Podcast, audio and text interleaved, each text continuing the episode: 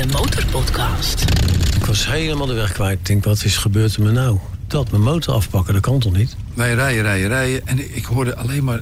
Hij was alleen maar auto's aan het inhalen. Ik hoorde alleen maar... zoep, zoep, zoep. Ik weet ik veel. Ik, ik, ik kan niet inschatten hoe hard we rijden. Het zat wel lekker. Dat is slechtziend, dat is, dat is verraderlijk. Ik zie niks meer nu. Ja, de blinde biker. Ja, doe maar. De Motorpodcast. Passie voor motoren.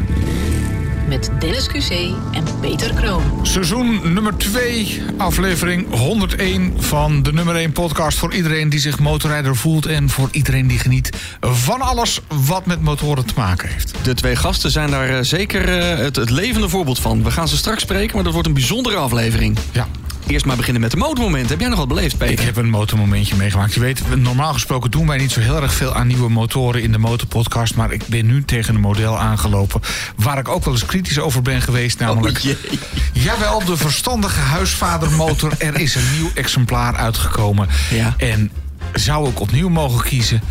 Ik ben echt in een eh, dilemma geraakt. Wordt het de GS? Het is best een mooi ding. Waarom ga je overstag? De BMW GS, de verstandige huisvadermotor, de BMW GS 1300, is zonder meer mooi. Ze zijn afgestapt van een groot en een klein koplampje naast elkaar.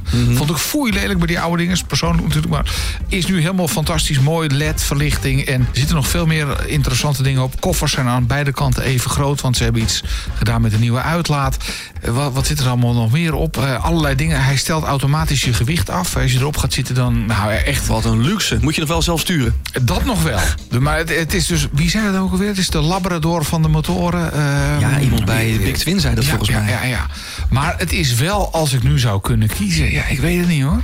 Hm? Ik vind het toch wel een mooi ding. Er zit, zit alleen één ding aan waarvan ik bij mezelf denk... ja, bij, de, bij het achterspotbord is een soort beflapje, weet je... tegen, de, de, tegen het spatteren, weet Ja. ik veel. Maar dat kan eraf. Ringsteeksleutel 13 eh, heb je het er zo vanaf. Gaat 2024 het jaar van de GS worden? We gaan het meemaken. Nou, ik hou er wel een Harley bij, maar ik vind het wel een mooi ding. Maar goed, Over 2024 gesproken. We hebben een heel mooi gesprek gehad... waarin we je straks verderop in de aflevering iets moois over gaan vertellen. Maar het wordt een mooi motorjaar ook voor ons weer, 2024. We gaan weer leuke dingen doen en dat heeft iets met Utrecht te maken. Meer vertel ik niet. De Motorpodcast. Achter het vizier van... Achter het vizier van. Nou, eigenlijk, we zitten niet echt achter het vizier van onze gasten. Dat, hoe dat precies zit, dat leg ik zo uit. Wij krijgen namelijk heel veel post hier bij eh, de Motorpodcast. Ook regelmatig suggesties voor onderwerpen. En ja, nu maken we de podcast natuurlijk voor jou, jij als eh, luisteraar. En ja, we doen dus echt wel wat met die eh, suggesties. Eh, zo heb ik een tijdje geleden een bericht gekregen van Hans Wensveen. Hij is een van de twee gasten van vanavond. En hij heeft een bijzondere suggestie gelanceerd voor, voor, voor deze aflevering eigenlijk. Namelijk motorrijders die eigenlijk geen motorrijder meer kunnen zijn. Hans, Ja, Ja. Of nooit gekund hebben. Dat Ja. kan ook nog. Dit is wel even... eh, ja, Ja. ik, ik ben een beetje in de war. Ja, dit wordt een bijzondere aflevering. Een aflevering vol motorpassie, maar met twee mensen die Ja. niet meer of geen motor hebben gereden. Ja. Nou, het verhaal is eigenlijk heel simpel. Allereerst welkom heren. Ja, dankjewel. Leuk om hier te zijn. En eh, ik ben eh, een vervent luisteraar. En dat komt natuurlijk ook niet zomaar. Dat komt omdat ik de verhalen van motorrijders leuk vind. eh, geluiden van motors leuk vind. En eh, ja, dat hele verhaal eromheen. Eh, het verhaal. Ik ben als eh, blinde geboren, zo heet het dan. En dus je gaat geen motorrijden. Er is geen sprake van. Alleen als jongetje van 4, 5 kan ik me nog herinneren dat mijn buurman, meneer Marel, die had een motor. Ik vraag me niet wat voor. En dan stond ik hem altijd, vier, vijf jaar was ik, stond ik hem op te wachten bij het begin van het steegje, wat achter het huis liep. En dan eh, mocht ik het laatste stuk op de tank eh, meerijden naar zijn huis. En dat was bijna elke dag dat ik dat deed. En dat, dat vond ik op de een of andere manier vond ik zo superleuk. Dat, eh, dat is mijn eerste herinnering aan, aan, aan, aan motoren. Weet je nog wat er dan zo leuk was? Was het dan de, de, de, de geur van de motor of juist de snelheid? Of ik neem niet aan dat hij met 80 door het steegje reed. Nee, dat ging heel, heel langzaam eigenlijk. Maar het is inderdaad, en dat is nog steeds, het, het geluid. Ja. Want daar ben je toch, als, eh, als je niet kunt zien, toch een beetje op gefixeerd. En geluid en geur spelen een grotere rol als het eh, visuele. Ik denk dat dat gewoon onbewust toen al eh, zo was. En dat is nog. Dus als we dit soort dingen laten horen, dan, dan word je er een soort verwarmd van. Ja, ik ook. Heerlijk. Maar, Ja, mijn beltoon is zelfs zoiets. Oké, Een Harley? Wat dit is, wat dit is, dat weet ik wel. ja. Dit is een Het Harley. is een Harley, ja. Maar dan komt het, je, je bent vier, vijf jaar, dan komt ergens het besef, eh, als eh, het, toen nog 16 jaar waarschijnlijk mocht je, mocht je gaan rijden. eh, dat klasgenootjes gaan hun rijbewijs halen, leeftijdsgenootjes gaan hun rijbewijs halen. En bij jou komt dan het besef, ja, dat ik moet mijn motorpassie anders gaan invullen. Ja, dat is leuk dat je dat vraagt. Het is eh, juist die 16-jarige leeftijd. Toen, toen, toen jonger en net eh, 16, toen... nou, motorrijden was toen ook geloof ik nog niet toegestaan. Maar toen kwam de brommer in zicht. En eh daarvoor knutselden we met vriendjes eh, wel aan, aan, aan, brommertjes. Een beetje opvoeren, een beetje kettingjes in het vet op het vuur. En dat vond mijn moeder dan weer niet zo leuk. Maar dat, dat was er altijd wel. Ehm, maar toen echt ze 16 werden... ja, toen vonden ze het veel leuker om een paar leuke eh chickies achterop te hebben... dan met hun vriendje die blind was achterop mee eh, door het dorp heen te crossen. Ja. Dus vanaf mijn 16e jaar moet ik eerlijk zeggen... als je het hebt over een, de lastigste periode in mijn leven... Ja. dan is het wel vanaf mijn 16e tot mijn 18e. Ja. Ehm, want toen ik 18 werd en zij ook, dan werd het weer, eh, toen werd het weer toch vaak de brommer werd ingeruild voor een eh, oud autootje waar we dan weer verder aan knutselden. En dan gingen we ermee eh, op vakantie of gekke dingen doen. Dus die, die jaren ja, tussen mijn 16 en mijn 18e, dat vond ik wel eens lastig hoor, dat moet ik zeggen. Maar misschien een gekke vraag, hoe sleutel je dan als eh, blinde aan motoren en aan auto's? Nou ja, ik heb de, de LTS heette dat toen nog, de technische school gedaan. En daar leerde je natuurlijk met gereedschap omgaan. En daar hadden we ook een, een, een, een, een, brommermotor op een standaard. En daar kregen we gewoon les in hoe dat werkte, hoe de dynamo werkte en hoe de, dus het, cilindertje en, en de bougie en zo. En dan lieten we dus wel eens een vriendje aan het draadje zitten. En dan draaiden we dat dingetje in de rond. En dan kreeg je een opblazer natuurlijk. Maar goed, dat, dat, dus daar heb ik dat een beetje geleerd. En gewoon, ja, kijk, de dingen die kon ik natuurlijk ook niet. Maar iets uit elkaar halen, daar was ik meester in. Dat lukt mij ook nog wel, maar in elkaar zetten is dan Nou ja, dat was een beetje, we hielden wel eens wat over hoor. Maar het was, het was wel een dingetje wat, eh, ja, dat, dat ging eigenlijk wel, wel, eh, wel redelijk goed. Ik heb ooit nog eens een keer, is misschien wel leuk om te vertellen. eh, het, heeft me altijd wel geboeid, twee wielen en mijn motor. En toen op een gegeven moment toen kon ik, had ik een, een, een banjo ooit eens. En die kon ik ruilen met een vriendje van mijn broer voor een Lambretta scooter. En die heb ik toen gekregen. Ik kon die brengen thuis. Mijn ouders hadden een oprit naast het huis. En toen had ik hem inderdaad ook weer aan de praat gekregen. En toen ben ik met die scooter heen en weer door de tuin heen gaan rijden. Maar wacht even, jij ziet toch helemaal niks? Nee, maar je kan met je, met je voet langs de border kan je een eindje komen hoor. Dat, Ah, gaat, dat gaat wel goed. En je hoort ook wel het huis, hoor je. Dat is een soort echo, weet, hoor je wel. Dat gaat wel aardig.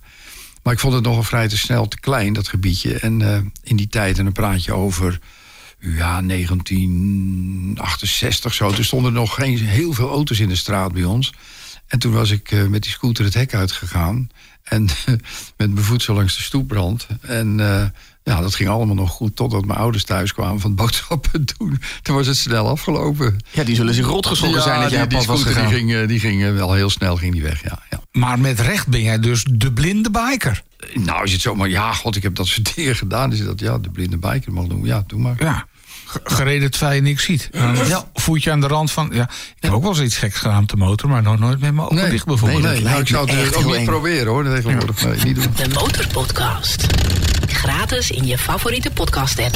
Je hebt een vriend meegenomen. Eddie, Eddie van Wissen. Jij hebt ook echt motor gereden. En ja, de eerste vraag die wij altijd aan iedereen stellen is... waar rij je op? Maar dat wordt nu- dan natuurlijk... Waar race je op? Nou ja, ik was 14 jaar en toen had mijn broer, die had een Harley. Zo'n ouderwetse nog zo'n Liberator met eh, versnelling op de tank. Ja, En daar mocht ik natuurlijk achterop. Ja, dan zat je gewoon in je korte broekje achterop en dat ging altijd goed. tuurlijk. Tuurlijk. Ja. Ja, en toen kreeg mijn zus verkering met, eh, met Nico, dat is ook mijn zwager geworden. En die eh, reed op een rode Enfield. En die ging altijd met zijn vader naar de motorraces toe. En eh, toen dacht ik, toen hebben ze mij gevraagd, joh, je mag mee, ga lekker achterop zitten. Dus ik ben altijd met mijn zwager overal naartoe gegaan, ja, tot ik zelf 18 werd. Hij kocht ook nog een keer daarna nog een Norton, 3,5, 1 cilinder. Daar ook heel Nederland mee doorgecrossed. Maar ja, toen kocht hij een Hondaatje, 250 cc. En toen ik eh 18 was, toen eh, heb ik dat ding van hem overgenomen. En daar heb ik veel plezier op gehad. Ja. Dat was mijn eerste motorfiets. Het zijn niet de minste merken, want ik hoor eh, de Liberator van Harley. Ik hoor Ja. de Royal Enfield. Ja. Eh, wat had je nou nog meer? De Norton. Ja. Dat zijn wel echt eh, ja. de, de classic merken. ja, en zijn vader reed altijd BSA. Ja. En die heb ze na de hand heeft hij eh, een hele tijd gereden op een eh, BMW.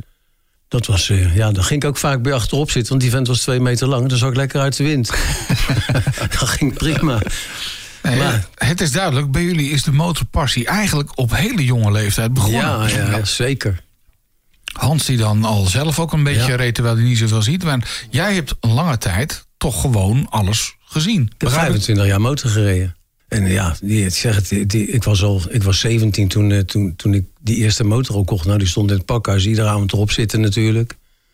En dan was je 18, dan ging een proefrijbewijs halen, het politiebureau. Wat is een proefrijbewijs? Nou, weet dan, je? kon je, dan mocht je wel in een, op die motor rijden, maar dan in je dorp. Oh, oké. En, een woon- beetje voorzichtig gaan en dan en was het goed. dan op Rijswijk en na de hand kwam dan op, op je kenteken in plaats van L-bordjes te zitten. Ja. Maar dat was na mijn tijd, dus voor, ik had geen L erop zitten. Dus ja, op plaats, ik denk in Rijswijk was ik gauw klaar. Dus toen vonden ze me in Rotterdam, Zoetermeer, nou, waar, overal. en toen heb ik, eh, ja, ik ben gelijk mijn rijbewijs aangevraagd met de auto ook. Ik ben in december jarig en eind januari had ik allebei mijn rijbewijzen. Dat ging als een speer. En toen was de Honda die, de eerste motor. En een CB250, twee, een Oh tweeslingertje. ja. ja. Ja, en dat ding had een oranje kuip. En dat was wel heel erg leuk. Dat als ik dan op de snelweg reed, gingen ze allemaal aan de kant. Dus ze dachten dat het de politie was. dus ja, daar heb ik veel plezier aan gehad. En, ja, en mijn volgende motor was een 4,5, een Honda. En je zei het al, ik heb 25 jaar eh, motor gereden. Op een gegeven moment komt er dan een moment dat dat niet meer mag. Daar ben ik zo benieuwd naar. Ja. Ik wil het zometeen graag van je horen. Ja. Maar die 25 jaar daarvoor, laten we die eerst eens eventjes eh, een beetje Doorploegen, doorspitten. ja. Ja. Want eh, ik begreep al van Hans, want die heeft mij een bericht gestuurd. Van, ja, die Eddy, die heeft zulke gekke dingen gedaan. Ja. Dus kom maar op, Eddy. Vertel maar, wat voor, eh, wat voor idiote dingen heb je Nou allemaal ja, gedaan? kijk, die, die 4,5 die ging op, natuurlijk ook niet hard genoeg. En toen ben ik, eh, heb ik een Laverda gekocht. En daar heb ik heel veel plezier mee gehad, want het is een fantastische motor. Want die Italianen die kunnen goede frames maken, dus dat stuurde als een mes dat ding. En Is dat een die- soort café-racer model? Nee, nee, Laverda, gewoon, nee, 750 SF. Nee, was gewoon een eh, straatmotor. Een naked bike was dat. Ja. Ja, dat was een heerlijk ding. Ja, en toen gingen me andere mensen omheen die kochten een Suzuki 750 GT. Dat heb ik toen ook maar gedaan. Ik heb een opvoerset nog erbij, zo'n rijmo-pijp erop gezet. Ja, daar heb ik wel eh, dingen mee gedaan. eh. als ik erover nadenk, is het nog een wonder dat ik hier nog zit. Je kan wel Nou, horen waar hij vandaan komt trouwens. Hè? Een Remo-pijp, weet je Een wel. rijmo-pijp. Vertel eens dan over die avonturen. Het is nou toch verjaard. Ja, nou, ik, ik zat, ik weet, zal één, Ik ben benieuwd. Ik zat op de linkerbaan achter een auto en die wilde me niet laten passeren. Weet je wel, dat heb je dan. Ja. En ik zat me natuurlijk op te fokken, want tussen haakjes heb ik naar die aflevering geluisterd van die man die al acht keer zijn rijbewijs ingeleverd had. Ja. Nou, het is me goed dat mijn motor niet zo hard reed, want dan had ik het ook gehad hoor. Oké. Ja, ik reed altijd vol gas met dat ding. Dus ik zit achter die auto aan en dus die man die, eh, die, die probeerde steeds dat ik naar rechts ging, ging hij ook naar rechts. En op een gegeven moment zat hij zeker te slapen. Dus ik kijk, ik zit op de linkerbaan, de linkerstreep en daarnaast had je nog een randje asfalt. Ik denk, nou hop, gooi op dat ding. Dus ik zet hem er gewoon naast met 120, 130.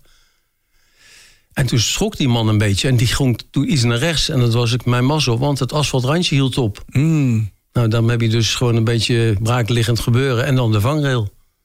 Ja, toen ben ik bij. eh, toen, toen voelde ik mijn motor zo kwispelen toen ik over dat randje heen ging.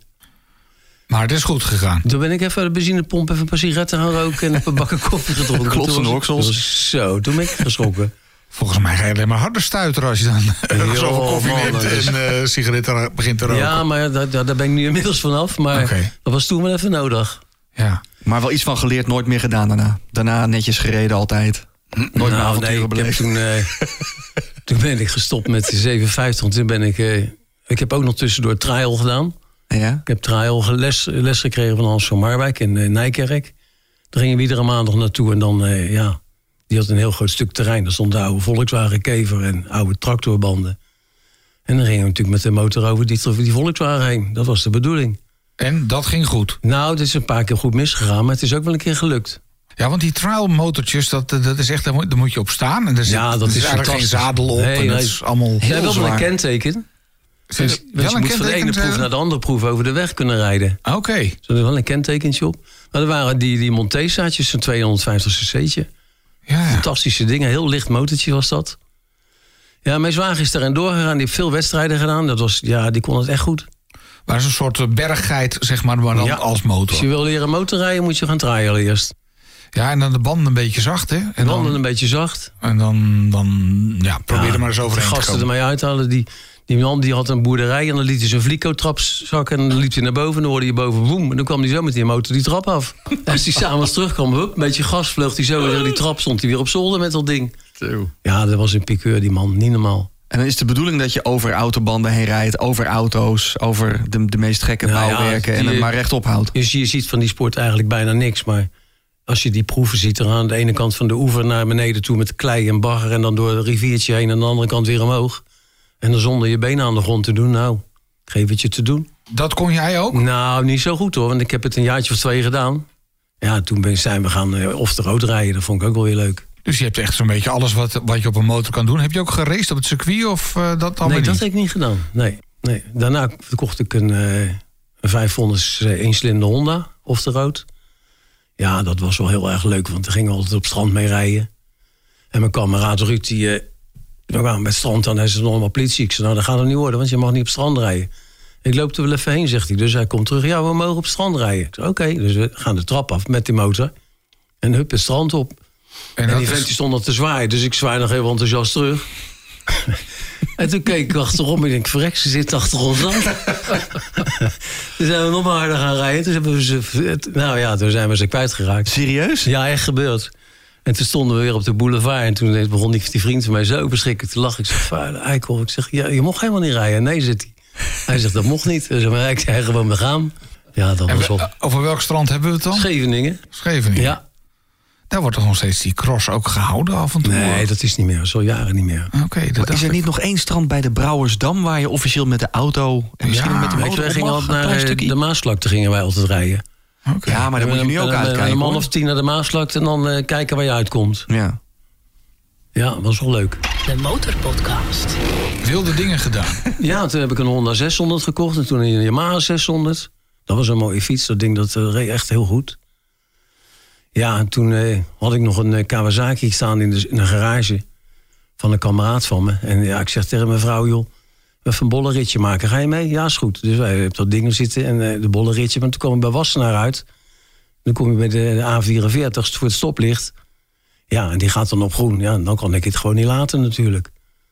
Dus er was gaan met dat ding. Die liep hard hoor. Voluit open. En je vrouw achterop? Die zat achterop. En toen kwamen we thuis. En toen denk ik, wat heb jij joh? Helemaal wit was ze. Ik zeg, joh, je bent een imbeziel, zegt ze. Ik zeg, oké. Maar ze, je kan wel goed rijden, dat wel. groen is groen, toch? Ja. Ja, en toen ben ik eh, gestopt met de motor. Ik zeg, want eh, ik, wist, ik wist toen dat ik ook slechte ogen had. Dat Had je ik. dat besef toen zelf al? Toen ik eh, die auto ging inhalen, Ja.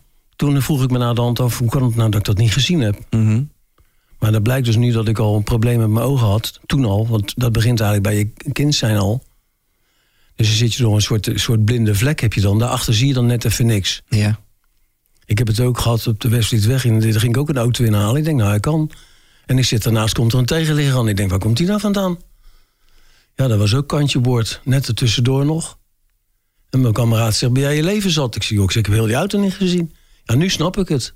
Toen niet. Hoe oud was je toen? Toen ik gestopt ben met motorrijden. Eh, Je had er al flink wat jaren op zitten. 43. Ik ben 72. Op een gegeven moment ja, kom je daar dan achter. Hè, van, eh, ik zie tegenliggers niet meer. eh, Er gebeuren, er gebeuren allemaal rare dingen. Dat heb ik ook wel eens. Hè, dat ik ineens een tegenligger toch niet helemaal... Goed inschat. Nee, het gaat ook wel eens eh, bijna fout. Maar dan toch net nog goed. En ik denk van, nou ja, volgens mij eh, was ik even moe of weet ik veel wat. Ja, Eh, maar dit is je- Je, je, begint niet, Ja. je, je denkt niet in eerste instantie, mijn ogen zijn niet goed meer. Nee, daar heb ik helemaal nooit bij stilgestaan. En ja, ik reed ook op de vrachtwagen. Ik had een eigen bedrijf en ik ging zelf op de vrachtwagen. Vond ik leuk. Maar ja, toen zat ik wel eens naast mijn, naast mijn broer. En die, die, die zag een file niet. Ik zie iemand wel stoppen staan een file. En die is toen naar de oogarts gegaan. Mijn broer heeft hetzelfde als wat ik heb. En die kreeg die boodschap dat hij blind zou worden. Toen ben ik de volgende dag gegaan. Toen kreeg ik dezelfde boodschap. En dan? Ja, toen ik een dag of drie maar opgesloten in mijn slaapkamer. Ja, dat kan ik me voorstellen dat je dan toch wel even denkt van... toen, eh, eh, ja, toen de motors weg en eh, stoppen. Maar heb je niet eh, even gedacht, ja, net als Hans, eh, weet je, je doet je voet Niet bij... met één eh, voet Voetje aan de lang. grond Ja, maar hangt, hand aan de vangrail. ik heb mijn hand aan de vanger, maar je komt steeds die bordjes 100 kilometer tegen. Bij, bij Rotonde schiet het ook niet op. natuurlijk. Nee, nee, ik heb wel nog een paar keer doorgereden, maar in de, bolle, in de bollenstreek een beetje in de buurt. Ja. Met de vrachtauto ook, ik reed bijna iemand van zijn van zijn fiets af. En toen wist ik al dat ik slechte ogen had, maar even een klant in de buurt, weet je wel. Denk, dat doe ik nog wel eventjes. Maar op een gegeven moment zeg ik, jongens, ik stop er nou echt mee hoor. Dat ga ik niet meer doen. Wat ging er door je heen die drie dagen dat je had opgesloten? Ja, nou ja, drie letters. Ja. Ja. Want het is niet alleen het motorrijden wat je mist, maar Nee, met- je, met je weet dat je nog alles veel meer met- gaat missen. Alles wat wielen had, vond ik leuk. In 73 dacht ik, ik ga voor de lol mijn vrachtautorijbewijs halen. Nou, ik heb op de grootste vrachtauto's gereden. Bij transportbedrijven, na de hand bij ons eigen bedrijf. Na die drie dagen heb je alles snel de deur uitgedaan? Ja, Ja? ja. Maar waarom ineens zo roekzichtloos? Want misschien, ik weet totaal niet hoe dat zit. Hè? Ik bedoel, als, als je ineens minder gaat zien. Of, zie, je überhaupt nog iets? Of, Nee, ik zie niks meer nu. Het is donker allemaal. en, en dat is echt gewoon in drie dagen tijd? Nee, nee, nee, nee, nee. Ik heb er 30 jaar over gedaan. Oké, 30 jaar geleden kreeg ik te horen dat ik een oogziekte had. maar dan ineens heel... Maar je gaat dan slecht zien. En slecht zien, dat is, dat is verraderlijk. Kijk, nu weet ik wat je wel niet kan. Maar toen eh, dan ga je dingen doen die je eigenlijk niet meer kan. Omdat je door wilt. Je wil je, door. je wilt er niet, je wilt er geen afscheid van nemen. Ja, precies. Ja. Zeker met motorrijden. Ja, ik kan me dat Ja. wel voorstellen dat je koet koet door wil. En Ja, zeker de passie voor motorrijden. En zeker als je ook nog een passie voor vrachtwagens en andere eh, ja. voertuigen hebt. Maar wacht even, je ogen worden eh, ineens veel slechter. En dan... gaat heel zachtjes. Bij mij is het heel geleidelijk aangegaan. Er zijn zoveel soorten. En Je hebt, je hebt mensen die, die hebben met tien jaar zijn ze blind. Maar bij ons ging het zo heel erg langzaam. Daar hebben we dan nog wel een beetje geluk aan gehad. Dat ik nog een beetje heb kunnen profiteren van het, het ziende leven. Heb je dan niet zoiets van, oké, nou gaat het wel heel erg moeilijk, het motorrijden. Of tenminste, het wordt link.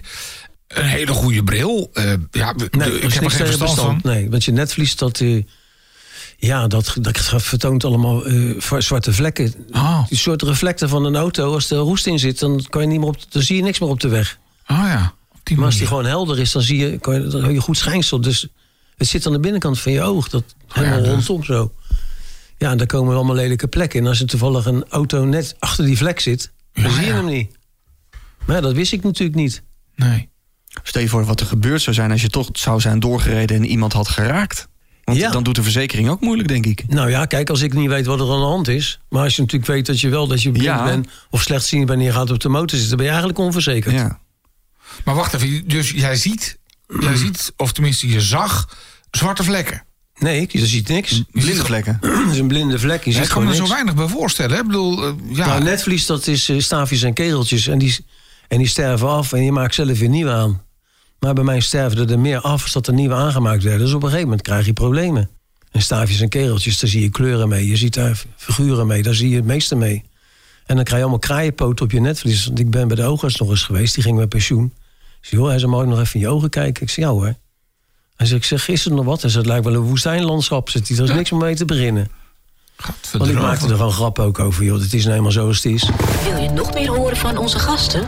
Word dan vriend van de Motorpodcast. Kijk op demotorpodcast.nl. Maar ja, eh, en dan ineens moeten die motoren weg. Want ja, ik zou dan misschien denken van... ja, misschien vinden ze nog wat. Nee, of nou, ik hou die motoren maar even in de schuur of weet ik veel. eh. Dat was de harde realiteit. Dat is gewoon keiharde realiteit. Ja. Of je rijdt je eigen dood, of je stopt ermee. Maar in die periode dat je reed, toen ben je toch ook nog in het buitenland geweest? Dus ik Jawel, ben- op vakantie in Frankrijk geweest met de motor en alles. Ja, zeker. Amerika ook, geloof ik? Nee, nee, ja.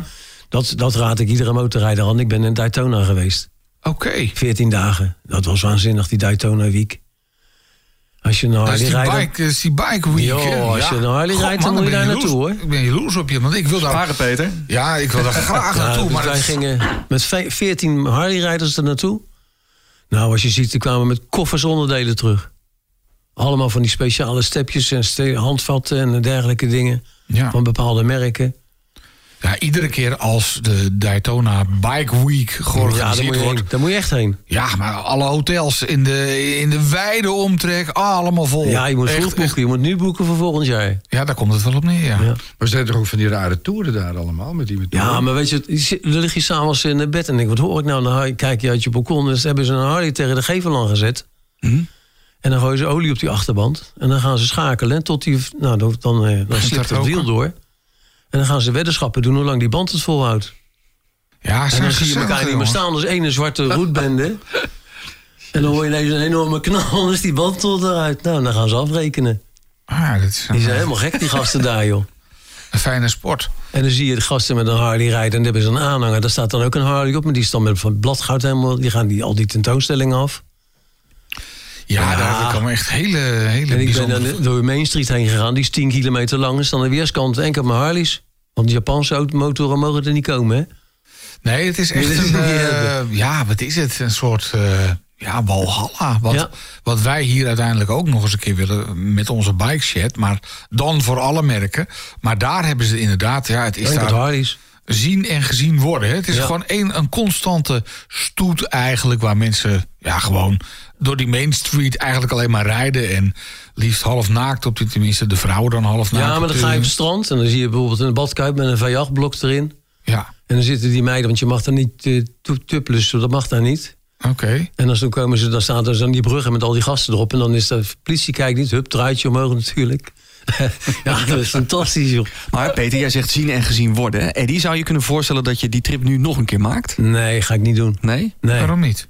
Nou, ik heb het gezien. En dat is mijn, in mijn beleving gaat het nu tegenvallen. Ja. Maar je zou bij iemand achterop kunnen of Nee, in nee, een ik ga niet achterop, echt niet. Ja, dat Ik is het gro- echt groot verschil tussen, eh, tussen Ed en mij ook weer. Want ik, ik zit dus wel heel graag achterop. Nee. Maar Ed gaat het echt niet doen. Daar hebben we het Nee, over mijn gehad. beleving is eh, rijden, zelf rijden en eh, niet achterop zitten. Ik heb het nog één keer gedaan bij mijn zwager. Toen zijn we naar eh Assen gereden. Hij had toen een TDM, fantastische motor trouwens. En dat was dan eh, de zaterdag altijd het weekend van eh, de TT-winnaars. Dus dan reed ik, Mike Heelwood reed daar. Die kwam dan rijden met zijn 100, 250 cc zescilinder. En Mike Heel, of een, die, en MV Augusta met Augustini erop. En Jan de Vries met zijn Kreidelaar. En die kwamen allemaal rijden op het circuit. Dat was waanzinnig. Dat doen ze nog steeds volgens mij die dagen houden in Assen. Ga je ook niet meer naar dat soort dingen toe? Nee, nee, nee. Ik heb, dat, ik heb een leuke afsluiting. Ik heb er goed over nagedacht. Ik, ik kan er goed over vertellen. Ik, ik heb allemaal meegemaakt. Mooie herinneringen. Een mooie herinnering Ja. aan. Hè, toen ik te horen kreeg dat ik slechte ogen had, kwam mijn kameraad en zeg... eh, die zat, ik zat helemaal in een dip. En ze gaan naar Amerika. Ja, gaat mee. Ja, dus eh, met mij op sleeptouw genomen. Door, door, door, door Daytona heen. Nou, dat is een beleving. Jeetje, ik raad het iedereen aan. Hm. Echt leuk. Maar ja, dat is wel eh, meer dan 30 jaar geleden dat ik dat gedaan heb. Maar ik begrijp het niet helemaal. Ik bedoel, als je er dan zo, zo ja, gepassioneerd over, die, over dat motorrijden kan vertellen... dat je dan toch niet zegt, van, ja, lekker in een zijspan of weet ik veel wat. Nee joh, dat deden ze in de oorlog. Er zat er een mitrailleur in en dan ging er zo'n soldaat achter zitten. Ja, dan met een mitrailleur, Eddie. Maar heb je toch het gevoel, je voelt het trillen, je ruikt... eh, Nee, nee, Ik, ik heb het echt niet. Ik, ik woon vlak bij de A44 en zit ik in de tuin door. De jongens willen ze tekeer gaan. Dan zeg ik, eh, lekker zeg, heerlijk geluidje. Ja, Kijk, dit moet de neef van me horen binnenkort. eh. ja zo, zo, om, om jou te plezieren doen we gewoon even, eh, zo even, gewoon even wat lekkere geluiden tussendoor. Dit is Dit is een, Harley.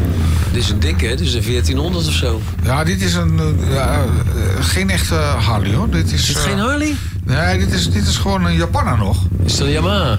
Ja, maar dat is een uh, allroad ding. Ja. Dit, dit is echt een, dit is een echte Harley. Ja, dat Ja, geluid. dit is, Ja, ja, die zuigen zo hoor. ja, ja, Ja, dit is inderdaad. Nou ja, eh, uit, uit, uit deze categorie hebben we natuurlijk nog meer van dit soort plofapparaten.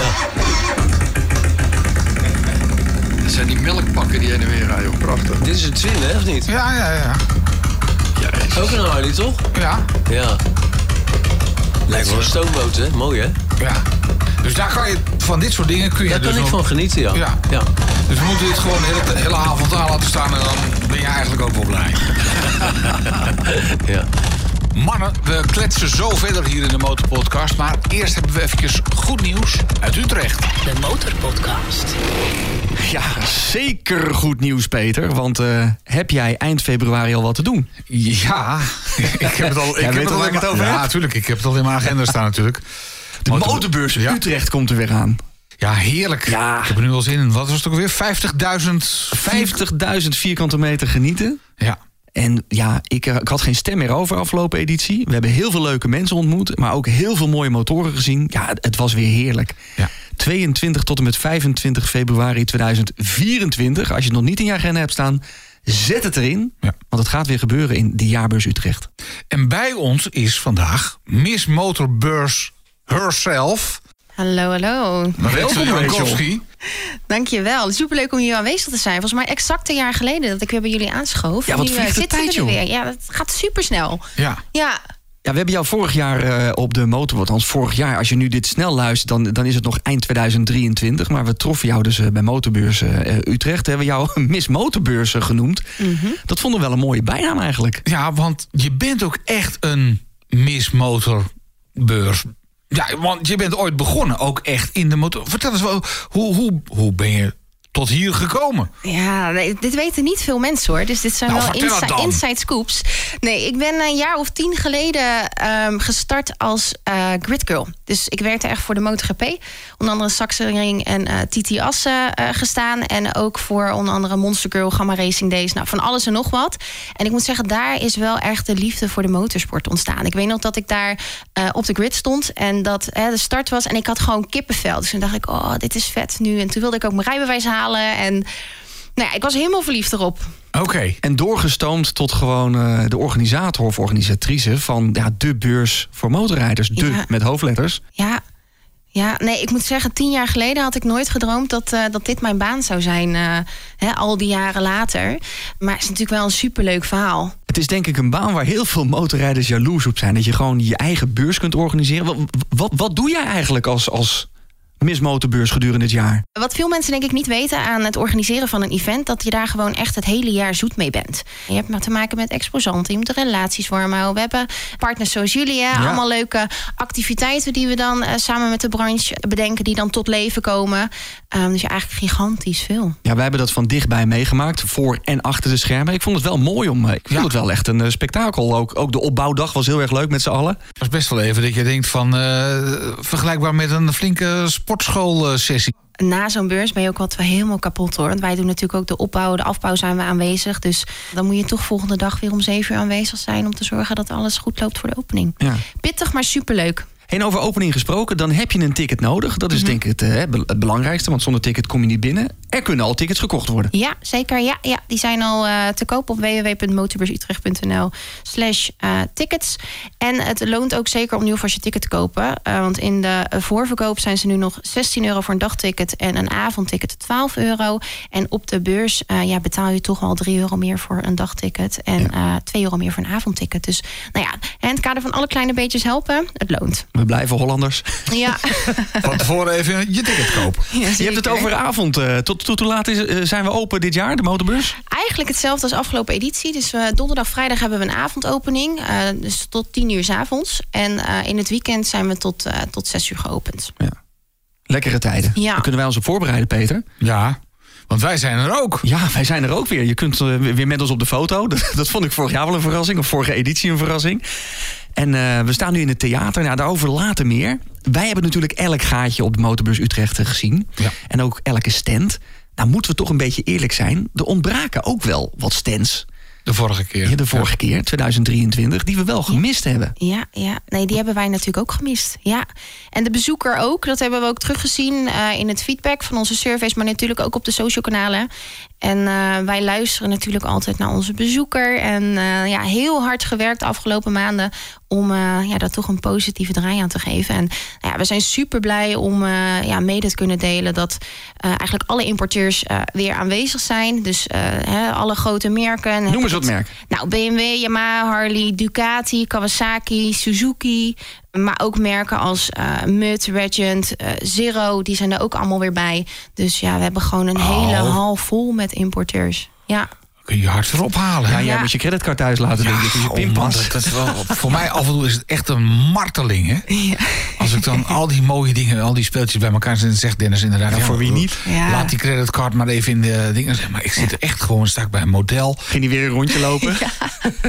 ik ben zo terug. Ja, dan, maar dan denk ik, dan zit ik echt te rekenen van, oh, ik- als nou dit doen en dat. En daarna dan stellen we de nieuwe schuifpuien nog even uit. En dan kunnen we, hè? Dan jij weer een motor kopen. Ja, dat, Zo zit ik echt. Nou goed. Over motorkopen gesproken. Ik pak even een mailtje erbij. Want wij kregen al een, eh, mail van Bert Hendricks. Die, die schreef, hè, want we hadden natuurlijk gepost dat de motorbus Utrecht weer zou komen. Hij schreef, ja, goed nieuws. Ik heb net al een ticket aangeschaft. Dus hij is iemand die hem in de voorverkoop Hey. heeft gekocht. Dus goed bezig, Bert. Hij schrijft ook, mijn vrouw weet het nog niet. Maar in Utrecht ga ik mijn nieuwe motor kopen. dus niet verder vertellen. Maar toen dacht ik meteen, hebben jullie weer die fantastische eh win je motorbedrag terug actie? Ja, ja, die hebben we ook eh, aankomende editie win je aankoopbedrag terug. De, eh, de winnaar hebben we natuurlijk ook afgelopen editie bij jullie bekendgemaakt. Ehm, een vrouwelijke motorrijdster die heeft een, eh, ja, een hele toffe motor waar ik echt heel erg jaloers op was. Die Kawasaki Z, eh, Z1000 Ja. gewonnen. Dat is natuurlijk mijn droommotor. Eh, en ook aankomende editie gaan we weer een, een motorfiets weggeven. Ja, Goed om te ja. weten. Ik had er ook bijna een gekocht op de beurs. Maar ja, wij zijn uitgesloten van deelname natuurlijk als standhouders. ik ben ook uitgesloten. Dus dat is ook wel heel jammer, want ik ben ook voornemens om in te kopen. Dus ja, het is, dat is wel weer jammer. Wat staat er op je wensenlijstje? Is het nog steeds die Z1000? Eigenlijk nog steeds Ja? wel. Ja, al moet ik wel zeggen, ik heb laatst een proefrit gemaakt op een CF Moto. En ik, ik had er vreemd genoeg wat vooroordelen over, maar ik vond het echt een lekkere fiets. Dus Ja. De eh, Chinese, toch de, de vooroordelen van de Chinese motor? Ja. die zijn toch wel een beetje weg bij mij. Dus eh, het zou ook zomaar kunnen dat dat, dat er eentje dat dat hem gaat worden. Of een Zero. Of een zero. Ja. Ja, ja, ja. Ik las ergens meer spektakel op de beurs. Mhm. Wat voor spektakel kunnen we verwachten? Moeten wij eh, tussen de vlammen onze podcast opnemen? Of wat, wat gaat er allemaal Dat gebeuren? mag, dat mag. Ideeën zijn altijd welkom. Hè? Dus als je dat leuk vindt, dan staan we daarvoor open. Ehm, nee, ja, ik ga alvast een tipje van de sluier eh, oplichten. Eh, mijn collega's sluiten de aankomende podcast bij jullie aan. En nou ja, steeds meer informatie is natuurlijk ook beschikbaar. Dus het meeste laat ik, laat ik voor hen aankomende weken. Doe nog één scoopje. Ja, we hebben een scoopje is dat de steile wand weer terugkomt. Hebben we in het Oké. verleden ook eh, bij Motorbus Utrecht gehad. En dat is nu al, ik denk een jaar of drie, vier geleden... dat we die gasten voor het laatst eh, bij ons hadden. Eh, en dat is eigenlijk een ouderwetse kermisattractie... waar motorcoureurs met 50 km per uur... horizontaal en verticaal door een houten ton rijden. Ja, dat is bizar. Ja, en, en weet je wat ik heb gevraagd? Of ik een rondje mee mag. Alleen mijn collega's. Ja, je kan dus voor op die fiets kan je een rondje mee. En dan gaan ze alleen, gaan ze alleen horizontaal. Maar ik vind dat dus superleuk. Ik ben een beetje zo'n adrenaline junkie. Maar mijn collega's en ook mijn baas heeft gezegd: weet je alleen de laatste dag. Want we kunnen je niet missen tijdens het event. Ja, want je zal ervan afvallen. Dat is niet, nou, het ziet er echt levensgevaarlijk uit als zij het doen. Laat staan dat je daar voorop gaat zitten. Ja, nee, dat klopt. Dus wie weet. Ik wens je er heel veel plezier bij. Ja. Ik zou het niet doen, maar goed. Ik sla ook even over. Maar de grote vraag, Rachel, is natuurlijk ook nog... mogen wij nog tickets gaan weggeven voor luisteraars van de Motorpodcast? Jazeker. In elke aflevering eh, waar, waar wij aansluiten als team, mogen jullie eh, twee tickets weggeven. Maar daar moeten luisteraars wel wat voor doen. Vertel. Elke aflevering stellen wij een vraag. Ja. En eh, nou ja, die moet natuurlijk goed beantwoord worden. En onder de goede inzendingen verloten wij twee tickets. Oké, laten we afspreken dat de luisteraars nu even Google afsluiten. Ga het niet opzoeken. Wat is dan jouw vraag voor deze aflevering... waarmee je kans maakt op twee tickets voor Motorbus Utrecht 2024? De allereerste vraag is... Wanneer vond de eerste motorbeurs Utrecht plaats? Oh, dat weet ik. Jij weet het? Ik, ik zou het echt niet weten. Ja, ik zeg niks. Wanneer vond de allereerste Motorbus Utrecht plaats? Mail eventjes naar info.demotorpodcast.nl of eh, slide in onze DM... als jij kans wilt maken op eh, twee tickets voor Motorbus Utrecht 2024. Dan nog even kort samengevat. Welke data moeten we in de agenda zetten? 22 tot en met 25 februari 2024. En tot welke tijd moeten wij straks doorbuffelen in het theater met onze podcast? Donderdag en vrijdag tot 10 uur s avonds. En zaterdag en zondag tot 6 uur s avonds. Oké, en dan de belangrijkste. Waar kan ik die goedkope tickets in de voorverkoop kopen? www.motorbursutrecht.nl slash tickets. Rachel, dankjewel. Geen dank. De Motorpodcast. De nummer 1 podcast voor motorrijders en motorliefhebbers. Sta je voor rood en wordt je motor niet gezien? Zie je gevaarlijke wegsituaties voor motorrijders? Baal je ook zo van al die wegen waar je als motorrijder niet meer welkom bent? Motorrijdersactiegroep MAG komt op voor jouw belangen. We laten van ons horen in Den Haag, we voeren rechtszaken voor open wegen... en we lossen problemen op. Dat kunnen we nog beter doen als ook jij lid wordt. Het kost je bijna niks, nog geen tankbenzine per jaar. Kom op! Meer weten? motorrijdersactiegroep.nl De Motorpodcast. Snel terug naar onze hoofdgasten. Eddie en Hans, de blinde bikers. Hans, jij stapt nog wel eens eh, achterop. Dus jij doet het wel. Ja, ja maar ik, ik snap het ook wel. Ik denk als je dat zelf gedaan hebt, zelf het, het stuur in hand hebt gehad, zelf eh, die dingen hebt kunnen doen, hè, al die stunts die je hebt uitgehaald. En je kunt dat niet meer. Je bent er, zoals ik bij mijn zoon achterop zat, eh, hopelijk ook weer een keer komt te zitten.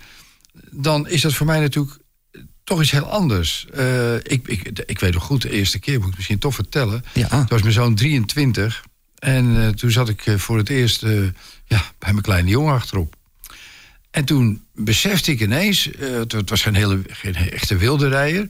maar ik zat wel achter op een motor. Ik ben natuurlijk wat kwetsbaarder als in een auto. Hè. Zo, zo is dat dan toch Ja. wel een beetje. Wat voor motor was het? Die Honda Shadow. Ja. En toen realiseerde ik me ineens van... hij heeft nu het, echt letterlijk het stuur in handen.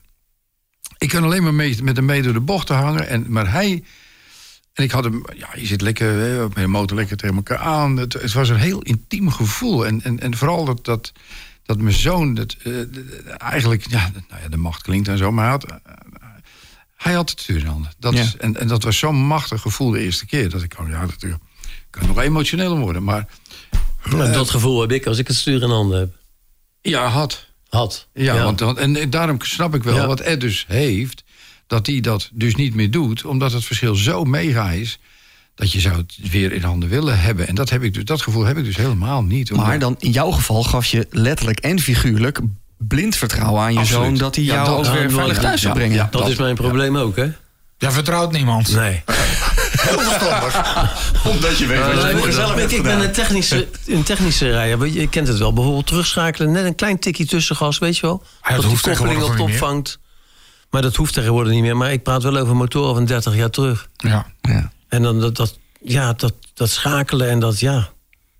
Maar, eh, to- toch even terug naar Hans. Want als, als ik iemand achterop heb, of als je bij eh, iemand anders achterop zit, dan eh, hè, je, goed meekijken, meebewegen. Zeker niet. eh daar moet je even met elkaar afspraken over maken. Hoe ging dat bij jou dan? Nee, dat- dat- dat- dat is gewoon- ziet geen bocht aankomen. Ja, maar dat voel je toch. Ik, ik zeg, ja, weet je, ik was. ehm, toen ik vertelde net over toen ik 18 was, toen had ik een, een vriend, Wim. En die woonde in Amersfoort. En ik woonde toen hier in, eh, in huis in het Gooi. En dan kwam die op eh, zondag op zaterdag kwam die met zijn Guzzi. Die hij die, die nog steeds heeft. Hè. Dan praat je over ook een motor van 50 jaar oud. En dan kwam die me halen. En dan, of, en dan gingen we dus ook hier rijden door het Gooi heen en zo. Dus ik, ik ben dat echt wel gewend. Dat, Achterop zitten. achterop Ja. zitten en zo, weet je wel. Maar ja, goed, jij zegt blind vertrouwen. Ehm, dat is wat minder lang geleden. Toen ging ik met een, ook met een goede kennis van me. Die had net een nieuwe BMW, nou 11 nog wat. Heel modern ding. Dat, het, het, het schermpje ging door de winddruk eh, ging die omhoog. Helemaal modern allemaal. Ik vond het geluid minder mooi, maar goed, dat is een ander verhaal. En toen gingen we dus eh, naar Alkmaar toe. En toen woonde ik inmiddels in Purmerend. En eh, dan heb je zo'n weg naar Alkmaar. Dat noemen ze ook geloof ik wel eens de Dodenweg of zo. Er zit een bocht in. En er gebeurt nog wel eens wat. Nou, in ieder geval, ehm, wij rijden, rijden, rijden. En ik, ik hoorde alleen maar... Hij was alleen maar auto's aan het inhalen. Ik hoorde alleen maar... zoef. Ik weet ik veel. Ik, ik, ik kan niet inschatten hoe hard we rijden. Het zat wel lekker. En toen kwamen we bij een rotonde. En toen zegt hij zo eh tegen mij... Hoe hard denk je dat we reden? Ik zei, jezus, geen idee, man. Hij zegt, 210. Ik zei, Oké dan. Nou, echt, jongen. Ik had echt zoiets van... Oeh. Nou, dus bij die auto's die kwamen zo snel daar voorbij. Ik denk, het leek wel of ze stilstonden. Dat had ik wel. Maar goed, ik kon niet inschatten. Zo. En toen stond er een, eh, een Porsche naast ons. En eh, toen zegt hij, nou, hou je goed vast. Want eh, we gaan even, even die auto eruit trekken. Ja. En eh, nou, dus ik me goed vasthouden. En joh, weg, jongen, als een raket, jongen. Jezus, mina. En toen kwamen we op de plek van bestemming. En toen zegt hij... eh, hij zei, hoe, hoe dicht denk jij dat je knie bij de weg was, met asfalt was? Nou, daar heb je helemaal geen idee van. Joh. Ja, weet ik veel, ik zeg 40 centimeter. Ik nou, als het 10 was, is het veel. En toen, ja, en dat is toch helemaal erg. Toen vertelde hij op een gegeven moment. Het was, een, hij kwam uit Volendam, Peter heette hij ook. En eh, die vertelde op een gegeven moment echt serieus. dat hij eh, in een, eh, een, een soort van opstandje of een gevechtje in een café. had er eentje een, glasstuk geslagen en in zijn oog geduwd. Dat gebeurde wel eens daar, geloof ik. Gezellig café. Dus die man, dus die man die was in één oog blind. Ook nog eens een keer. Dus, en ik moest nog met hem mee terug. En toen zat ik wat minder rustig achterop, kan ik je vertellen. dat wist. Toen ik dat wist. Ook wel ja. bijzonder. Ja. Dus met vier Ja. ogen en drie zie niks. Ja, nee, dat was één oog, want ik zag niks en hij had maar eentje. Dus ik denk, verdorie. En, en het regende toen ook nog. Maar ja, doordat je snelheid maakt, voel je die regen niet. Dus het was ook weer een leuke beleving. Maar dat, eh, dat vond ik toch wel een hele bijzondere rit. kan ik je Maar wel een knappe rijder dan. Want als hij de, de- Ja. en visueel gehandicapt is. Nou en, ja, en ook één nog. oog goed, hè? Dat, eh, Nou ja, maar toch dan. Maar met één oog zie je toch geen geen diepte? meer. Ja, Nee, ja, het maar- oog gaat overnemen. hè. Oh, dat Ja, weet ik oh, niet. toch ja. wel. Ja. Maar het was wel, het was, het was wel apart, kan ik je vertellen. Bijzonder ritje. Ja, joh, ja, maar zo waren er wel meer. Ik, ik heb eh, bij de Herman Dat eh, gewerkt. En eh, bij de politie. En eh, daar had je natuurlijk ook eh, heel veel motorrijders, motoragenten, die ook privé motorrijden. En uh, daar hadden we ook wel eens een, een, tour. En daar ging ik ook mee achterop uh, met een van die gasten. Nou, geloof mij nou maar. En uh, jongens, als je dit hoort, vergeef me. Maar dan zijn het ook gewoon mensen hoor. En dan gebeuren ook gekke dingen, kan ik je vertellen. Op de? Ja, ja nou, twee gekke dingen. Daar wordt ook wel eens harder gereden. En, in, en even lekker knallen in de tunnel. En weet ik veel wat allemaal. Dat doen ze allemaal. Ja, politieagenten zijn inderdaad... Net mensen. Ja, het zijn net mensen, jongen. En, en dat was hartstikke leuk. Begrijp ik nou goed? Ben jij gewoon ga je steeds bij iemand anders achterop en heb je zoiets van, uh, nou als het niet bij mijn zoon achterop kan, oh, misschien bij oud-collega's of weet ik. Je, je, wisselt het gewoon af. Hoe, hoe, kom je dan steeds aan nieuwe rijders? Hang je een briefje op in de supermarkt? Nee, van, uh... nou ja, die, die vriend waar mijn, mijn zoon zijn motor van gekocht heeft, weer, die heeft weer een nieuwe BMW nu. En oh, ik vanmorgen toevallig koffie bij hem gedronken. En daar ga ik ook wel nog een keer mee rijden. Dus dan kom je steeds af en toe. Ja, het is niet zo vaak. Maar uh, als de gelegenheid zich voordoet, dan, uh, dan... Stap je op. De Motorpodcast. De nummer 1 podcast voor motorrijders en motorliefhebbers. De Motorpodcast, de nummer 1 podcast voor motorrijders en motorliefhebbers. En ja, dus ook voor mensen die uh, de motorpassie hebben, maar niet of niet meer rijden. En zo zie je maar, Peter, waar een berichtje naar de Motorpodcast allemaal toe kan leiden. Als jij nou zit te luisteren en je denkt, ja, ik heb ook een tip... Slide even in onze DM of stuur een mailtje naar info@demotorpodcast.nl. De Motorpodcast. En nu we het toch over de post hebben, laten we de post er even bij pakken. Absoluut. We beginnen met het eh, bedanken van een nieuwe vriend van de show, Gert van Lingen. Maar natuurlijk ook een dikke shout-out naar alle andere motorrijders die al langer onze vrienden zijn. En uh, Gert die mailt ook meteen... we treffen elkaar vast nog een keer live op een van de evenementen in Nederland. Super vette podcast maken jullie. Ik ben intussen bij aflevering 86. Heel gaaf, een BMW goed van, van Gert. Nou, dan heeft hij er echt wat flink wat uren op zitten. En een mailtje van Biker Bob. Die schrijft... Ik luister sinds een paar maanden naar jullie podcast. Zelf vind ik de reisafleveringen en die met BN'ers de leukste. Ga zo door. Ik geniet er vooral van als ik de hond aan het uitlaten ben. Een vraagje voor jullie. Wat doen jullie als jullie een gast hebben die toch niet zo'n leuk verhaal heeft als je vooraf dacht? Groete Bob. Komt ja, wat doen we dan beter? niet voor. Nee. Nee. Sterker nog, het, uh, wat ik vaak heb als we zitten terug te luisteren... dat ik achteraf nog denk van... oh shit, dat had ik nog aan die gasten willen vragen. Dat heb ik ook nog wel eens. En als ik eh, in mijn linker ooghoek kijk... dan zie ik altijd de klok lopen en denk... ja, we, we kunnen met deze gast vaak nog wel één of twee uur door uh, lullen. Want ja, de gasten zijn vaak interessanter dan we denken. Dus het gebeurt eigenlijk nooit. Bob, dank voor je berichtje. Heb je ook een bericht? Stuur het naar info.demotorpodcast.nl De Motorpodcast. Zoals in elke aflevering van de Motorpodcast, ook in deze Motorpodcast weer bijzondere gasten. Eddy en Hans, de blinde bikers. Eddy heeft vroeger wel motor gereden, maar mag en kan dat nu helemaal niet meer. En wil het ook niet meer. Had vooral graag het liefst herinneringen op uit de tijd dat hij nog wel motor mocht rijden. Hans, jij zit regelmatig nog bij iemand achterop. Nou noem ik jullie wel de blinde bikers, maar hoe blind is blind? Wij zitten nu zo'n anderhalve meter bij elkaar vandaan. Jij ziet mij niet. Nee, nee, nee, nee. nee. Nou, nou hebben wij allerlei wilde plannen. Hè? Onder andere onze bike shed. Ja. Jij uh, reed pas ook nog langs een uh, tentje waarvan je bij jezelf dacht... daar zou onze bike shed gevestigd moeten nou, worden. Nou, ik was bij uh, de mannen van Bike Barn. De gloednieuwe showroom in Hoevelaken. Van Marcel en Dirk Jan. Die Indian dealer zijn en Energica prachtige locatie in Hoevelaken, vlak aan de snelweg. Je kan lekker makkelijk parkeren. De, de, de, de, de zaak ziet er ook fantastisch uit. Grote trap, grote werkplaats boven. Hele mooie manier van, van uitstallen van de motoren en de kleding. Dus ik dacht, ja, dit is wel... Dit ademt wel... Uh, Bike-shatterig. Bike-shatterig, ja, het, Is, het is wel gloednieuw nog, maar uh, je kan er een barbecue'tje geven... en het ligt lekker centraal in Nederland, dus een mooie plek. Ja. Maar ja, wat moet er nou nog meer in een bike shed? Dat hebben we al een aantal mensen gevraagd. Inderdaad, een barbecue. op een gegeven moment kwam ook de suggestie... een, uh, een zweefmolen met motoren daarin. Hè? Die in plaats van een bakkie. Ja, nou ja, gewoon ja, ja, op zo'n motor. Eddie, zou dat dan wat voor jou zijn? dat je dan in de zweefmolen kan. De snelheid hebt, de wind. gaan die gesprekken nog verder zo? nee, maar goed, dat, dat je, dan heb je wel het stuur vast. Sommige en mensen die zeggen draaimolen. Want vroeger zat je op zo'n paard. Het dan op een motortje. Ja, zoiets. Dat je mij daarop wil zetten. Nou ja, lijkt het. Hij gaat constant linksaf, dat ding. Nou ja, maar dan heb je wel het bochtengevoel. Ja, dat wel.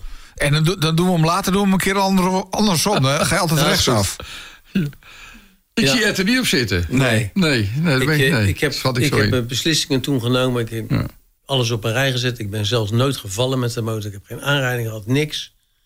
Nee. Ik denk, Etje stopt ermee. En dan heb ik uh, met plezier daar al gehad. Als ik door ga rijden, dan gebeuren ongelukken. Zo ja.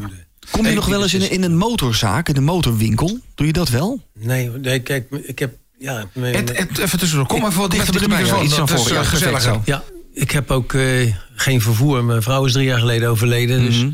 ja, nog, dan ging, kwam je nog wel eens ergens, maar dat is ook niet meer. En ja, het is zoals het is. Ik zou het best wel eens leuk vinden om naar, eh, naar zo'n motorzaak te gaan. Ja, ik ging vroeger veel naar motorzaken. Ging even een bakje koffie drinken. Ja. Maar je bent hier nu, nu naartoe gebracht door je dochter. Dat is mijn Eh, dochter. Heeft die iets met motoren? ja, dat, die, een heeft- beetje... die heeft ook de motorrijbewijs. eh, Eerst de lage rijbewijs en toen de hoge rijbewijs gehaald. Oké. Want dat vind ik wel een goed systeem van de overheid hoor. Dat ze dus beginnende motorrijders eh, op een hoogheid, was een 500 cc Suzuki die ze reed. Nou, dan, dan zit je net onder die norm. En, en daarboven dan moet je weer een andere rijbewijs gaan halen als je 23 bent. Maar er gaan nu stemmen wel op goed. om mensen met een autorijbewijs ook op, op, een, op een 125 cc toe te laten. Wat vind je Ja. daarvan?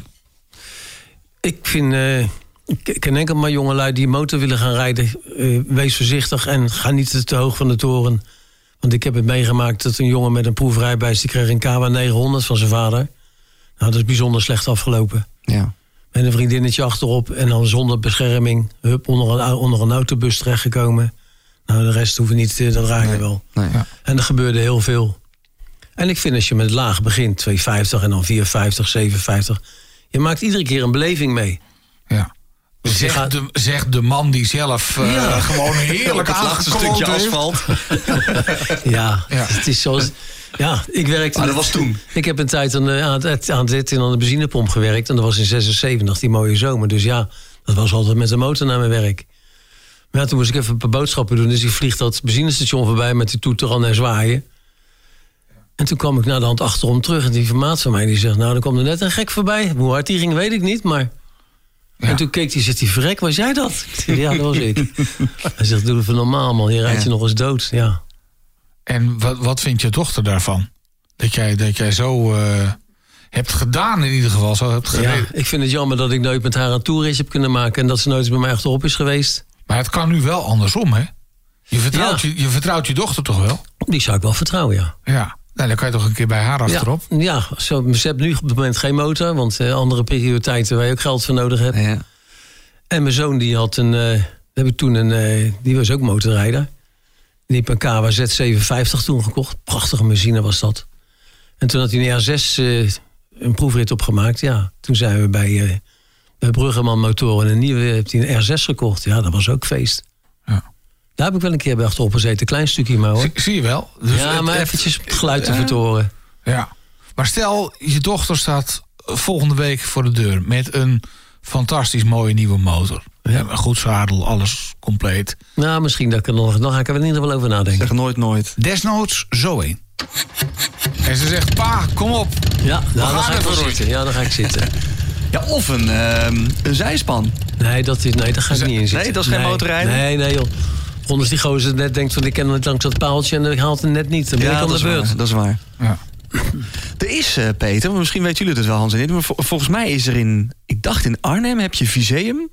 Een museum voor visueel... eh, eh, ja, zoiets. Dus in Nijmegen. Of is het Nijmegen? ja, ja, en in Velsen Noord kan je het ook doen. Daar kun je volgens mij als eh, eh, Ziende. ziende, een, krijg je een bril op... en dan Nee, kun je een nee, beetje de ervaring krijgen hoe het is om slechter Nee, te het zien. is anders. Het is, het is er gewoon hartstikke donker. Je ziet er echt niks. Oh, Het is dat het? Het is zo donker dat al, nou, je ziet letterlijk je hand voor ogen niet. Het is zo, zo donker. En dan krijg je dus een, een stok, net als goed eh zou je daarmee lopen op straat. Mhm. En dan leer je een beetje hoe je ermee om moet gaan. Het is een prima gidslijn waar je langs kan lopen met die stok. En dan ga je door een, door een, eh, beleving. een beleving en Ja. eh, bijvoorbeeld een park. Helemaal echt. en Zo, echt zo, zo beleef ik het ook. Het is gewoon vogels en stromend water en planten en grind en dingen. En motoren. En ja, dat is een straatje verderop. Er is een, eh, een straat verderop en dan moet je dus oversteken bij een stoplicht.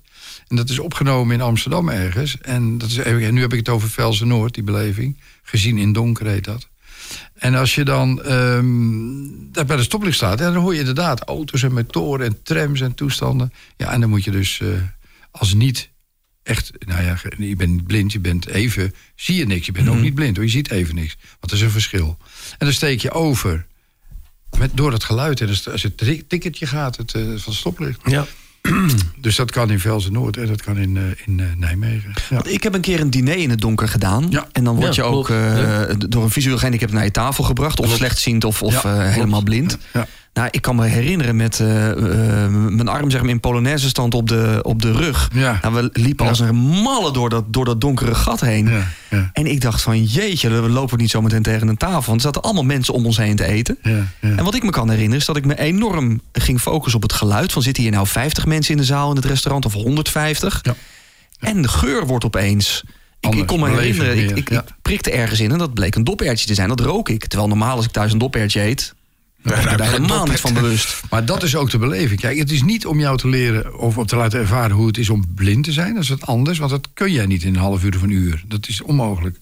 Maar wel om wat jij nou zegt, je andere zintuigen beter te gebruiken, of beter, intensiever te gebruiken. Ja. Dat moet ook wel.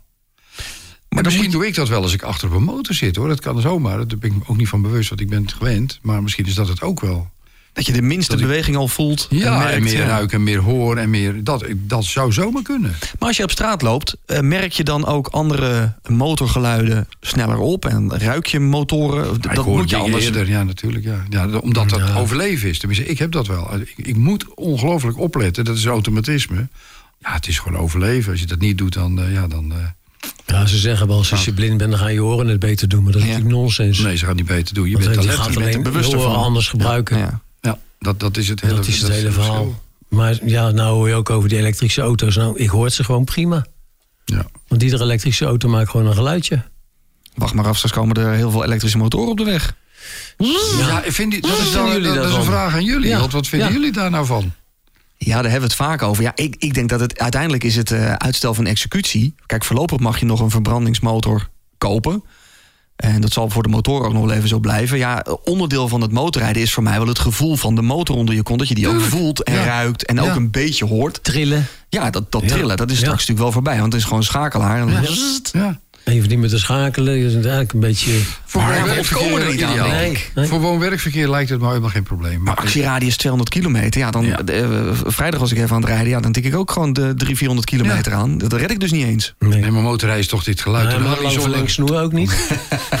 extra batterij, extra 9 volt batterij op mijn rug. Ja, Nee. Peter, hoe, hoe vind jij dat? Nou, eh, het- je kunt er heel erg snel mee wegrijden. Ja. Je wordt echt gelanceerd, jongen. Ja, dat, dat is, klopt. dat is wel waanzinnig. Dan hoor je weliswaar geen Zo, gronk. ja. Maar je voelt het wel hoor. Je wordt echt gewoon ge- als een soort katapult. Word je weggeschoten met zo'n ding. En dat is. Hoef niet meer te schakelen. Nee, Nee. het is echt van. Ja, eh, toch? Ik, ik heb 0 naar natuurlijk 100 nooit, in eh, 2,5 nooit seconden. Ja. Nooit motor gereden. Maar eh, nou, als ik dat nou zo hoor, dan zou ik dat dus nooit doen. Ja, voor woon-werkverkeer, wat ik al zei. Maar stel je nou zo'n geluidje, zo'n Harley voor, zon, en dan een beetje... Nou, dat Ja, nee, nee, Hardy moet gewoon blijven. Ja, precies. Maar ja, die maar dat krijgen is een ze, ander verhaal. Maar Ja.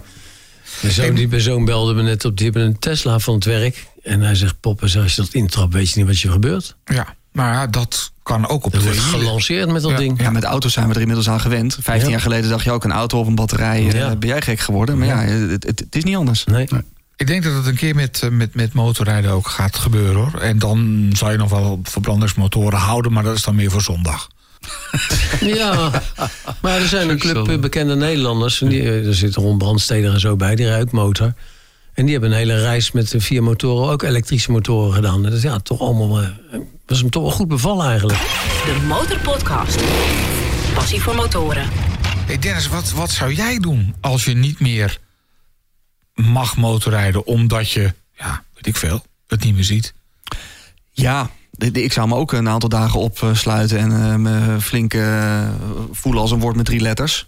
Ja, kijk, het, het visuele, het zien, is, dat heb je, ja, je hebt allebei nodig. Eh, maar je, volgens mij kun je best een beetje slechter horen en nog rijden. Maar slechter zien en rijden, dat, is, dat, is, dat kan niet. Nee, dat gaat niet. Ja, Ja, ik zou me doodongelukkig voelen eventjes de eerste tijd. Nou, dat is eh, nog zacht uitgedrukt Ja, bij mij ik, denk dat, ik, ik denk wij ons niet kunnen voorstellen hoe dat is. Ik was helemaal de weg kwijt. Ik denk, wat is gebeurd er me nou? Dat mijn motor afpakken, dat kan toch niet? Ja, en het is je motor, maar het is ook de, rest van je visuele Ja. leven. Hè. Motorrijden is natuurlijk voor motorrijders een enorme passie. Maar vergeet ook niet, eh, je, je kan je vrouw ook niet meer zien.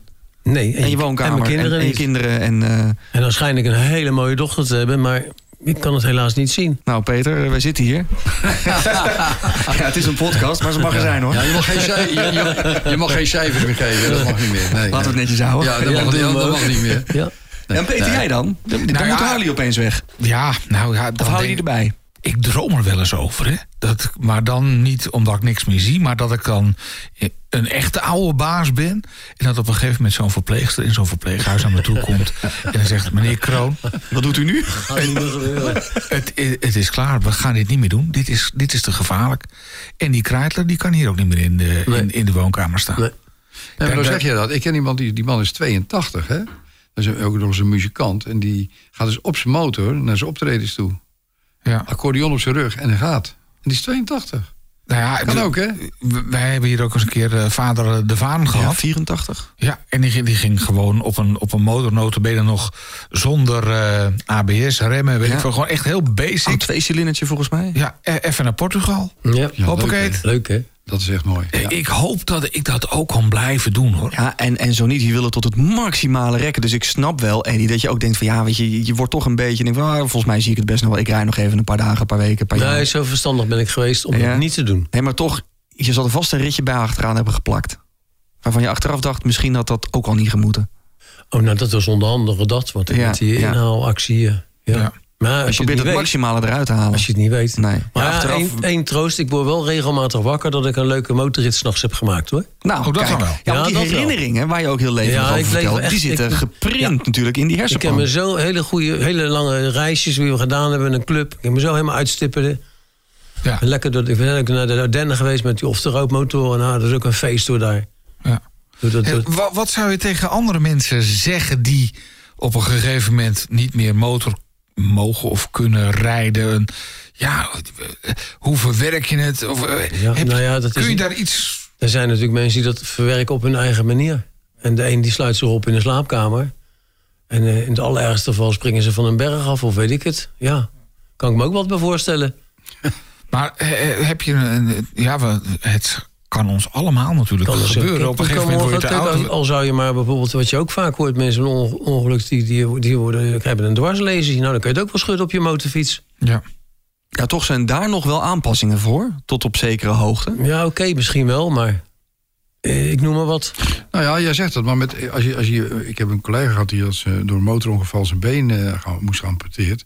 Maar met één been motorrijden, zou dat gaan? Ik heb er geen idee van. Nou, volgens mij hebben wij, was dat bij Bobby? Ja. Die had een motor aangepast. Zodat je met de motorcycles, ja. Alles met de handen kan doen. Ja. Ja. ja. ja. maar je moet toch een keer je benen bij de grond doen, toch? Denk ja, had hij ook iets Ja, dat is waar. Ja, had hij ook iets Anders met... Stepje, nee, of stoplichten kende die niet. Nee, ze hebben, ik heb dat gelezen eens een keer een stukje voor een man die had ik gemaakt. En dat, ze die, uh, dat automatisch een jiffie uitkwam. Ja. Als die stopte. Die zijstandaard. Ja. En dan stond hij ook een beetje scheef. En dan trekt hij dat ding recht met zijn lichaam en hup, gas en weg. En ik meen dat Honda uh, met een motor komt die niet om kan vallen. Tenminste, die wordt, uh, ik geloof in Las ja, Vegas uh, ook gedemonstreerd. Dat ga ik ook even proberen. Dus ja. misschien kan het dan ook gewoon met één been. Oplettende luisteraar zegt dan dat is wat voor jou, Dennis, een motor niet om kan vallen. Maar goed, nou ja, nou zeg dat niet invrijven. maar nou zeg je dat zo. Je hebt het dan over aangepaste dit, aangepaste dat. En dan zit ik dus nu te bedenken dat ik heb ook helemaal geen behoefte om auto te rijden of zo. Hè? Maar als, als, er, als er ooit een mogelijkheid zou zijn, dan moeten ze wel snel zijn, want ik ben inmiddels ook 72.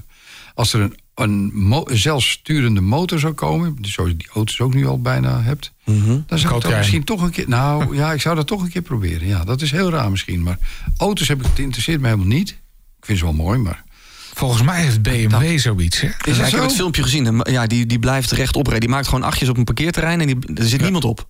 Oh. Hoe ze het doen, weet ik niet. Dus daar kan jij nou, ja, er is nog toekomst, jongens. Daar kan je, kan je op gaan zitten. ja. Ik zou wel dan, denk ik, want ik zit dan in kamp uh, Hans... Ik, zou wel achterop uh, stappen. Bij ja. mensen zoveel mogelijk. Gewoon toch een beetje dat gevoel meekrijgen. Als je zelf niet ja, zeker, ja, ja, tuurlijk. Dat, dat, kan, dat kan ik wel begrijpen, hoor. Ja. Jawel, zeker. Of toch in die zweefmolen dan? Bij onze bike de bike shed. Dat vind ik wel zo een apart verhaal. Nou, ik als ik een vrijkaartje van je krijg, dan doe ik het. Ja, ja onze bike shed uh, uh, moet er komen. Hij gaat er ook een keer komen. Toch eens kijken bij Bikebarn of daar op een parkeerterrein die, die draaimolen kan, uh, kan staan. Nou, misschien nog een, een, klein leuk verhaaltje. Ik ben ooit in een, in een motorhotel, motelhotel terechtgekomen in de Ardennen. Met Ben en Hetty. Dat is echt ook een aanrader trouwens. Kun je ook vinden, benenhetty.be. Maar goed, in ieder geval, daar was ik dan. En daar speelden we met een beentje. Dat was eens van een motorfeestje. En uh, daar was ik de, met nog een jongen die niet kon zien. En de rest waren allemaal ziende mensen. En ik was de enige die helemaal lijp was van, die, van al die motoren die er stonden. Dus ik ben zo, nou allemaal niet, maar ik ben heel veel langs gegaan. Ik had onwijs zwarte jatten.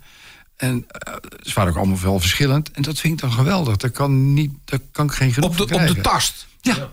ja ook, ook, als ze warm zijn? Ga je nee, gewoon een beetje nee, ze waren niet meer warm. Maar gewoon, ja, het modelletje zus. En die hebben die bredere banden, die hebben zusband, die kleine voorwieltje, dit en dat. Dat vind ik allemaal prachtig. Ja, ja. ja, dat, ja, op, op de ja. tast motor, Ja, ja, uh, dat- motorgenot. Bij ons op Sassem hebben ze van de zomer eh, oude auto's, eh, oldtimers en ook Oh, Mhm. Ben ik geweest dan in het park bij ons. En eh, ja, toen liep ik tegen twee jongens aan, die hadden allebei een Indian. Oh, geweldig. En ik zeg, joh, dan wil ik even voelen hoe dat zit en zo. Toen kreeg ik keurig een paar handschoenen aan. Want het is wel leuk, die gasten die zijn allemaal hartstikke behulpzaam dan. En ik die cilinders gevoeld en eh, die wielen en die handen, hendels en alles. En, Ja, top. ja, dat vond ik toch wel heel erg bijzonder. Ik weet eigenlijk, worden er nog steeds Indiërs gemaakt? Ja, zeker. Ja, ja, Ja, ja, ja, ja. Ze staan bij Bikebarn onder andere. Oké. Ja. Ja, mannen, blijf nog even zitten, want we gaan zo nog even nabranden met jullie. We hebben, we hebben nog genoeg eh, te bespreken. Mag je ook wel even aan de motoren zitten die Even hier aan de zijn? keiler. Ja, Kijk. maar nou, het is allemaal goed. Leuk. Dan gaan we afsluiten, dan gaan we richting eh, de nabrander. Ja, wacht even, we moeten nog even een paar boeken weggeven. Ja, oh man, we hebben nog zoveel te doen. Want, ehm, we En een mogen- circuitritje. Ja, en een circuitrit. En, en, En de duizend- ton. En de ton. En 100.000 euro. Oh, jongens. Ja, toch? Ja, de helft is ook goed, hoor. Eerst maar eens die prijsvraag. Want we mogen nog een eh, seizoensopening of een training op eh, Midland weggeven. Circuit Midland in Lelystad bij de seizoensopening van Motor Circuit Training ergens in het voorjaar. Vind je dat leuk? Meld je even bij ons. Info at demotorpodcast.nl Als je dus eventjes het knietje eventueel aan de grond zou willen doen. En als je een van de boeken van Oscar Verkamman wilt winnen, Onbekend Zand. Dan mag je ook een mailtje sturen onze kant op. Eh, een prachtige reisverhaal van Oscar waar hij een paar afleveringen geleden over vertelde. Ja, hij is door het Midden-Oosten gaan rijden in zijn eentje. Door Bagdad, Iran, Irak, Ja. noem maar op, Saudi-Arabië. Ja, prachtig. En hij vertelt ook hartstikke mooi over. Nou, al die avonturen staan in een boek. We hebben er twee liggen hier. Eh, ze kunnen van jou zijn, althans één van die twee. Meld je bij info.demotorpodcast.nl of stuur een DM deze kant op. En dan zijn we echt aan het einde. Ja, dan gaan wij ons voorzichtig voorbereiden voor de Motorbeurs 2024, Peter. Want ja, daar staan we dus weer, hè? Ja, ja. Ik heb er nu al zin in. Daar komen we later nog bij je op terug. Want we hebben jouw hulp nodig voor de standbemensing. Dus hou de Motorpodcast in de gaten. En vind je onze podcast leuk? Deel hem dan vooral met andere motorrijders. Luister je via Spotify? Druk dan op volgen. Want dan krijg je automatisch een seintje bij de volgende aflevering. En daarin praten we met Pien Meppelink. Die naam komt je misschien niet bekend voor. Maar zij is CDA-politica. En zij wil graag dat de volgende regering het mogelijk gaat maken... dat mensen met een autorijbewijs ook automatisch een 125cc motor mogen gaan rijden. Als 1 op de 10 automobilisten op de motor stapt, dan heb je 40% minder files. Ja, klinkt veelbelovend. Ik ben benieuwd hoe dat uitpakt. Dat wordt dan onze eerste politiek correcte aflevering van... De Motorpodcast. Gratis in je favoriete podcast app.